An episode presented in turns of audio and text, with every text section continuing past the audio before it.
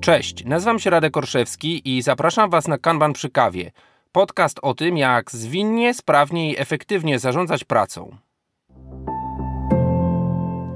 Witam Was serdecznie w kolejnym odcinku podcastu Kanban przy kawie. Dzisiaj chcemy opowiedzieć o temacie, który pojawił się w komentarzach, pytaniach do poprzednich odcinków, również gdzieś przy okazji szkoleń. Otóż chcemy porozmawiać o tym, czy jak Kanban może się spiąć z innym bardzo popularnym, mam wrażenie, w organizacjach podejściem. Pewnie znacie ten trzyliterowy skrót, który pojawił się w tytule, a więc OKRs. Zaczniemy od tego, że przedstawimy ten temat z dwóch perspektyw. Pierwszą perspektywą będzie to, czy Kanban jako metoda wizualizacji pracy intelektualnej może posłużyć jako narzędzie do właśnie wizualizacji, zarządzania tym, co w ramach takiego podejścia OKR chcemy zrealizować.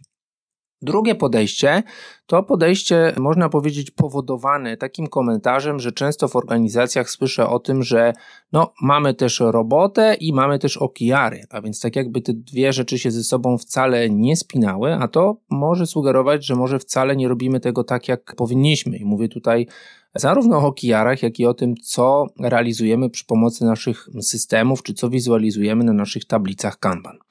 Jeśli więc w Waszej organizacji występuje ten skrót, albo rozważacie być może właśnie podjęcie inicjatyw metodą OKR, to zapraszam do wysłuchania tego odcinka. Dziś w ramach bloku informacyjnego zacznę od nowości w ofercie Kanban University. E, mam przyjemność powiedzieć, że od niedawna w ofercie mojej jako trenera, ale również całej organizacji jest szkolenie Scrum Better with Kanban, tak jak nazwa wskazuje, można skramować lepiej przy wykorzystaniu praktyk kanbanu i podejścia ewolucyjnego. Jeżeli jesteście tym zainteresowani, bo chcielibyście wznieść swój skram na wyższy poziom, a czujecie, że no trochę tak powiem żartobliwie, pójście na szkolenie z kanbanu to byłoby poczucie jakiejś zdrady, to tu będziemy bardzo jasno na waszych case'ach opowiadać o tym, jak sobie ten skram uzdrowić, polepszyć, a również jak go ewolucyjnie jako agenci, agentki zmian doskonalić. Zapraszam po więcej szczegółów na lineagile.ninja. Zaczynamy więc od OKR-ów jako w ogóle definicji, co to takiego. Jeżeli oczywiście znasz ten skrót i to podejście, to być może ta minutka lub dwie wydadzą Ci się nadmiarowe, ale trzeba powiedzieć, że OKR, a więc Objectives i Key Results, bo takie można powiedzieć terminy stoją za tymi literami w skrótowcu, to jest dosyć popularne podejście do, hmm, no właśnie, komunikowania pewnych celów strategicznych, być może poziomowania gdzieś w dół tej strategii ogólnej. I jest to podejście, które od dobrych kilku lat, można powiedzieć, zyskuje sobie grono, nie chcę powiedzieć wyznawców, ale praktyków i propagatorów, może to jest lepsze określenie, ponieważ firmy takie jak Intel czy Google gdzieś opublikowały, że jest to sposób, w który one realizują swoje cele strategiczne.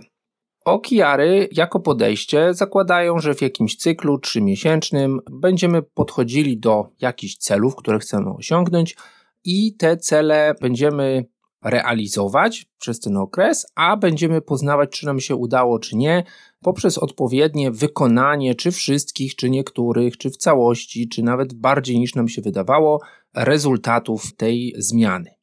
OKR-y są podejściem, które bardzo często angażuje zarówno właśnie wyższego czy średniego szczebla management, być może jest to temat pochodnych z jakiejś strategii czy roadmapy.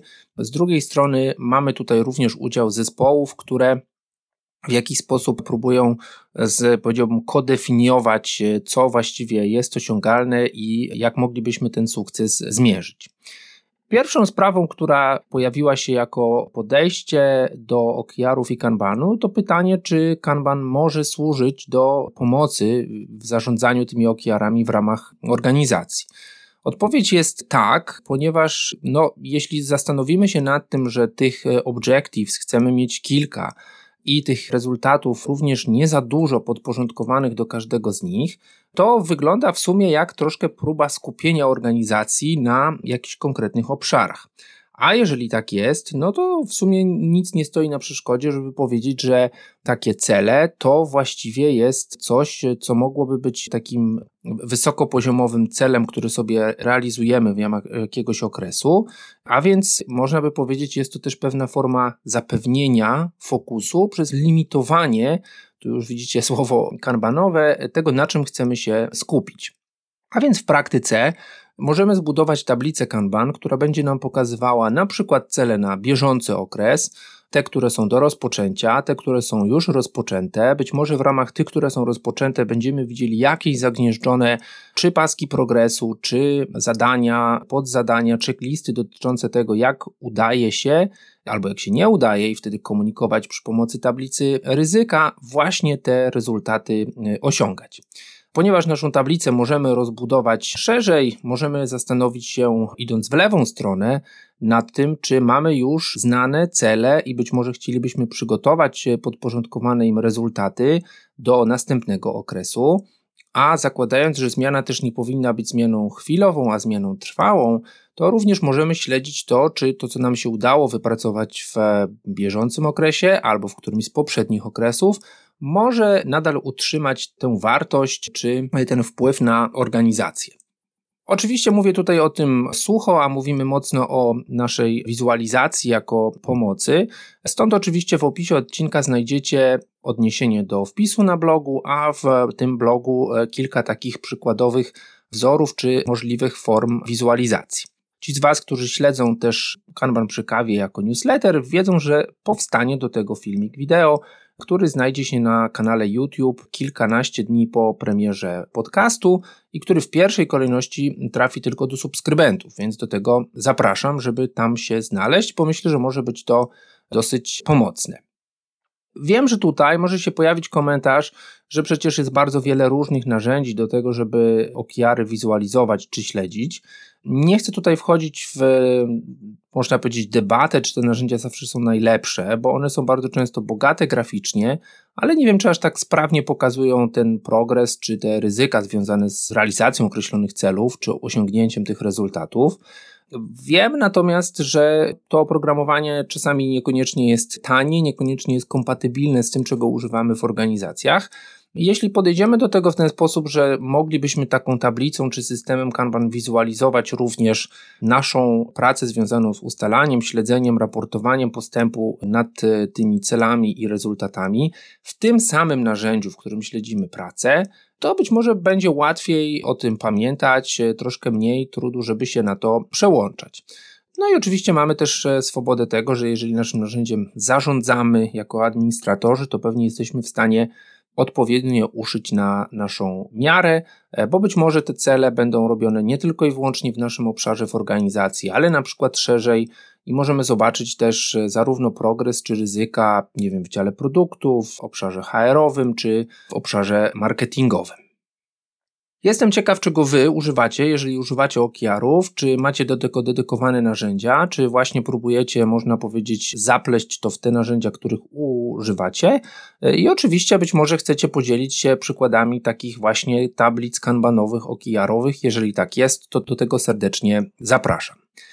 A teraz chciałbym, żebyśmy się zastanowili nad tematem, powiedziałbym nawet głębszym, może nawet bardziej istotnym, a więc tematem tego, czy praca czy to, co robimy na co dzień, jest w jakiś sposób z tymi okiarami połączone i znów, czy właśnie wizualizacja naszej obecnej pracy mogłaby nam pomagać w osiąganiu tych celów i rezultatów, na które się w organizacji umówiliśmy. Zapraszam do drugiego rozdziału. Drugi rozdział spojrzenia na okiary i Kanban chciałbym rozpocząć od takiego anegdotycznego stwierdzenia. Niedawno rozmawiałem z kolegą, który zajmuje się już od wielu, wielu lat doradztwem strategicznym dla firm na rynku niemieckim i powiedział mi, no ja to nie przypominam sobie, żebym zobaczył, żeby te okiary tak kliknęły, tak, zadziałały.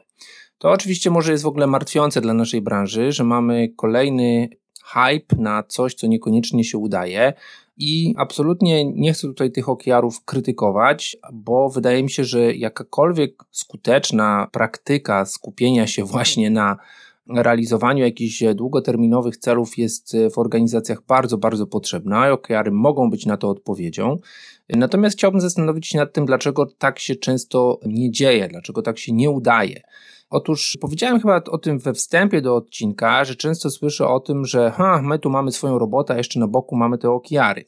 Co dla mnie brzmi troszkę jak e, problem z tym, że prawdopodobnie definiujemy cele i określamy jakieś e, miary sukcesu, Natomiast e, zespoły, które pracę czy, czy wartość wytwarzają w naszych organizacjach, niekoniecznie widzą przełożenie jednego na drugie czy połączenie jednego z drugim. Do czego tutaj zmierzam? Jeżeli umawiamy się, że w jakimś okresie trzymiesięcznym chcielibyśmy uzyskać jakieś konkretne korzyści biznesowe w postaci, nie wiem, zwiększenia liczby użytkowników, może zwiększenia konwersji, być może ekspansji na nowe rynki, to tak na dobrą sprawę powinniśmy zastanowić się nad tym, jak to przekłada się na nasze działania, które będziemy w tym okresie wykonywać. Jeżeli patrząc na jakąkolwiek tablicę zespołu, czy tablicę kanbanową zespołu pracującego w sposób ciągły, czy tablicę kanban zespołu skramowego, czy jakiegokolwiek innego podejścia, nie jesteśmy w stanie na tej tablicy zidentyfikować czegoś, co w sposób jawny jest właśnie, można powiedzieć, podporządkowane temu jednemu z celów, które sobie określiliśmy, to myślę, że mamy problem. I tutaj możemy się zastanowić nad tym, czy właśnie wychodząc od tego, że będziemy mieli chociażby udokumentowane nasze cele w tym samym narzędziu, w którym prowadzimy pracę, być może będziemy w stanie, mówiąc tak narzędziowo, podlinkować sobie, czy to opisać przy pomocy jakichś etykiet, czy stworzyć jakiś wiersz, swimlane na tablicy, czy może wyróżnić kolorem. Różne techniki mogą być tutaj pomocne. Te zadania, które w danym sprincie czy w danym momencie na naszej tablicy są podporządkowane realizacji tych celów. Jeżeli tak nie jest, no to mamy pewien problem, tak jak sobie powiedzieliśmy, i znów chcielibyśmy zacząć od tego, co jest, tak powiedzieć po kanbaniarsku, i zastanowić się nad tym, czy nie możemy tego w jakiś sposób lepiej zrobić na poziomie wizualizacji, a więc pokazać sobie, że Tutaj gdybam. Zadania związane z tym, na co się w OKR-ach umówiliśmy, niestety cały czas czekają, nie są podjęte. Albo być może są już bardzo mocno opóźnione, ponieważ są w systemie, ale często z nich się wywłaszczamy na rzecz innych zadań. Możemy też zastanowić się nad tym, czy nie zaczynamy pracy nad wieloma z celów, które sobie opisaliśmy jako istotne w danym okresie, czy nie rozpoczynamy ich wszystkich naraz, bo tu chcę powiedzieć o tym, że z mojej perspektywy, jeśli mówimy sobie, że w ciągu trzech miesięcy chcielibyśmy osiągnąć X w jakichś obszarach, to nie znaczy, że musimy się rzucić na nie wszystkie, bo być może lepszym sposobem jest skupienie się nad jednym z nich, nie zaniedbaniu drugiego przez te trzy miesiące, ale jednak, no właśnie, zwłaszcza jeśli nasze skupienie czy zasoby są ograniczone, to być może warto po prostu to rozegrać troszkę bardziej mądrze, tak to powiem, skupiając się najpierw na jednym i potem nad drugim. To oczywiście jest kwestia dyskusyjna, ale myślę, że czujecie tutaj ten zgrzyt, ten problem, który widzimy w wielu organizacjach, że właściwie nie ma przełożenia działania na poziomie strategicznym, czy decyzje na poziomie strategicznym na działanie naszych zespołów. I tutaj powiem, że mam ciekawe spostrzeżenia, bo rzeczywiście w kilku organizacjach, zarówno mających wizualizację przy pomocy systemów Kanban, e, jak i właśnie używających OKR-ów do budowania takich celów kwartalnych, udało nam się zapleść, można powiedzieć, tą świadomość, które z tych elementów, nad którymi zespoły w danej chwili pracują, są z tym powiązane, a które nie i naturalnie odjęło to, można powiedzieć, konieczność, czy w ogóle najpierw może poczucie tego, że robimy dwie różne rzeczy, że robimy robotę oraz okiary, tylko że to, co robimy w ramach normalnej, standardowej pracy, jest właściwie podporządkowane, być może nie w całości, bo na przykład nie jesteśmy w stanie, nie wiem, zaniedbać pracy reaktywnej związanej z jakimś feedbackiem od klienta czy błędami, ale rozumiemy, że nie tylko to robimy, że robimy również elementy, które do realizacji tych celów na dany okres nas zbliżają. Jestem przekonany, że wśród słuchaczy, słuchaczek naszego podcastu jest wiele osób, które ten skrót OKR odmieniają na wiele przypadków. Stąd tradycyjnie prośba o feedback. Bardzo się cieszę, że też ostatnio zostawiacie komentarze na Spotify'u. Tam można teraz dodać bezpośrednio komentarz do odcinka. Zapraszam do tego, podzielcie się, jak widzicie to, u Was w organizacjach, zarówno jeżeli chodzi o to odniesienie pierwsze, a więc czy w jakiś sposób konkretny wizualizujemy, być może właśnie kanbanem tą naszą pracę nad inicjatywami e, OKR-owymi, a z drugiej strony, jeśli takie podejście do realizacji pewnej strategii macie, to czy widać to na Waszych tablicach, e, być może macie tu jakieś triki, a może pułapki, przed którymi też chcecie przestrzec. I tyle moi drodzy na dzisiaj. Bardzo serdecznie dziękuję za uwagę, za wszystkie fajne komentarze, właśnie czy na mediach społecznościowych, czy bezpośrednio tam, gdzie jest podcast, a także przy okazji różnych rozmów. I mam nadzieję, że będzie okazja do tego, żebyśmy się usłyszeli, zobaczyli, porozmawiali gdzieś na żywo. Ta jesień będzie dosyć intensywna, jeżeli chodzi o podróże i konferencje, a więc do zobaczenia i do usłyszenia już za kilka tygodni. Pozdrawiam, mówił Radek Orszewski.